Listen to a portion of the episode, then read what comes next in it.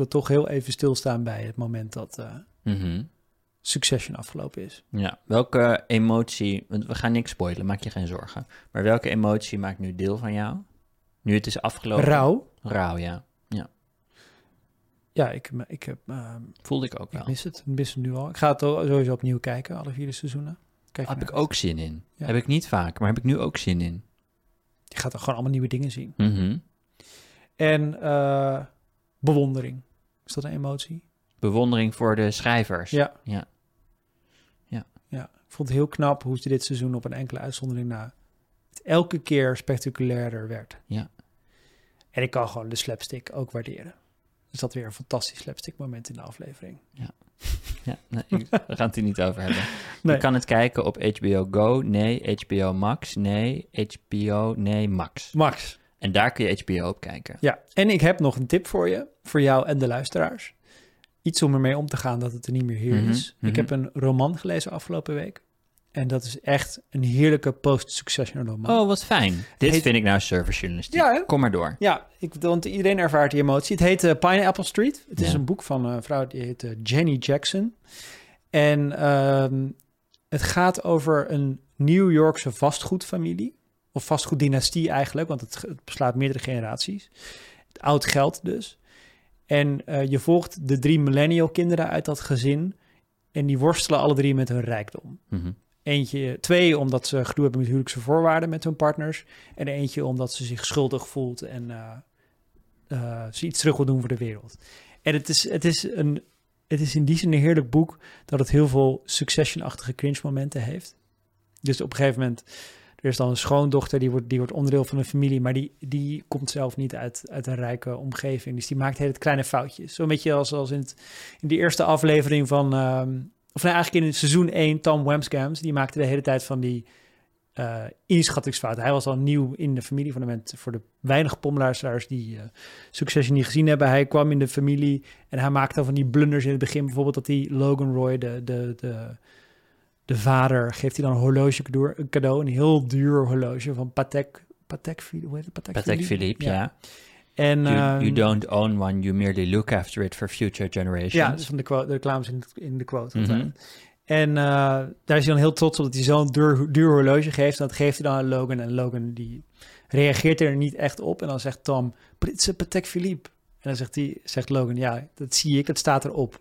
Als in, je moet dus nooit iets cadeau geven waar het merk zichtbaar op is. En Tom Wamskens leert dan die, hoe die dat in de film doen. In dit boek is er dan een schoondochter, Sasha heet die. En die, eh, die gaat naar een feestje in het familiehuis. En die kleedt zich mooi aan. Ze voelt zich helemaal een powervrouw als ze erheen gaat. En dan blijkt ze eraan te komen. En dan eh, wordt ze al heel snel aangezien voor de serveerster. Dus er is zo'n scène, dan eh, geeft iemand haar het glas, een leeg glas aan haar. En dan stelt ze zich voor zegt, hi, I'm Sasha. En uh, she says, as a guest tries to hand her an empty glass. Thank you, Sasha. The guest replies cheerfully. En vervolgens dat allemaal mensen bij haar bestellen. En blijkt dus dat ze precies hetzelfde aangekleed is als de bedienende staf. Ik heb het op festivals altijd, mensen denken dat ik de drugsdealer ben. Hoezo dan? waar, ja, weet ik niet. Ja. Maar denken ze nou gewoon dat is een bekende kop die zal wat drugs hebben? Of val je zo uit de toon dat ze denken dat moet wel Nee, een dit dealer zijn? gebeurde ze ook in het buitenland. Dat mensen, men, ik heb een van, ik heb een drugsdealer vibe Hmm. op een festival. Ik weet niet, in, dag, in dagelijks leven wordt me zelden gevraagd, zeg maar nooit. Maar op festivals niet zelden. Ik word ook altijd uitgepikt op de, als ik naar de Thalys eh, ga, naar, naar Parijs. Oh, dus het is niet alleen maar festivals. Ja, inderdaad, nu, het me, nu, ik, nu ik het zo zeg. hebt een bij dealer look. niet. Ja, ik heb een dealer look. Misschien kan je een keer een fotootje van jezelf sturen als je naar een festival gaat. Dan kan ik het analyseren waar het aan ligt. Ja. Maar goed, dit boek Ja, sorry, is ik dus echt... Nee, ja, het is wel een waardevolle onderbreking. Ja. Dit boek in die zin is... Is het je- net zo grappig? Nou, het is een... eh, het is minder cynisch. Ja. Dat vond ik het grootste verschil. Ja. Maar er zitten hele grappige momenten in. Grappige observaties in. De- Deze zin bijvoorbeeld, dat iemand roept... Oh no, I left my Cartier tennis bracelet in Lina's BMW... and she's leaving for her grandmother's house in Southampton. Mhm. Er gebeurt een hele hoop in die zin. Mhm, mhm. Of dat eh, op een gegeven moment raakt een van de personages eh, zwanger. En eh, dat vertelt ze aan die schoonmoeder, die reageert daar best oké op. En dan een week later organiseert ze een feest voor, voor de schoonmoeder en heeft ze het huis prachtig ingericht. En eh, dan raakt die moeder, schoonmoeder helemaal geëmotioneerd en bedenkt, bedenkt de hoofdpersoon zich. Ze is nu eigenlijk blijer met me dan toen ze hoorde Hmm. dat ik zwanger was. Hm. Dus dat, soort, dat soort observaties erin. En wat heel grappig is, die, die schrijver heeft heel veel gelezen over het schuldgevoel dat veel rijke millennials nu hebben. En over wat de psychologische kant daarvan is. En welke lessen ze dus meekrijgen. Dat zie je ook een beetje in Succession. Bijvoorbeeld een van de belangrijkste lessen die je meekrijgt als je onderdeel van zo'n oud geldfamilie bent, is eh, don't touch the principle. Dus leef, de, leef van het rendement. Doe wat je daarmee wil. Uh, maar blijf van het, het, ja, wat is het vertaling van principle? Het kapitaal. Het Mhm. kapitaal dat het Maar je rendement genereert zeggen, af. zoals de Amerikaanse nieuwszender ATN, wat een beetje een Fox News-achtige nieuwszender is, daar moet je van afblijven. Je moet niet proberen dat te veranderen, ook al Ja, zijn er moet- allerlei redenen voor om dat wel te willen Ja, veranderen. hetgene wat het hoofdkapitaal is, waar Ja. de familie zijn Ja. eh, rijkdom op heeft gebaseerd, daar blijf je van af. Mhm. En in heel letterlijke zin is dat dat je dus nooit zoveel geld dat je trustfund opneemt dat het geen rendement meer genereert, maar dat je altijd gewoon met je schare bankiers in de gaten houdt dat je alleen maar het rendement Oh, uitgeeft. zo, oké. Ik dacht dat je het zei omdat millennials nou helemaal de neiging hebben om de wereld te willen verbeteren.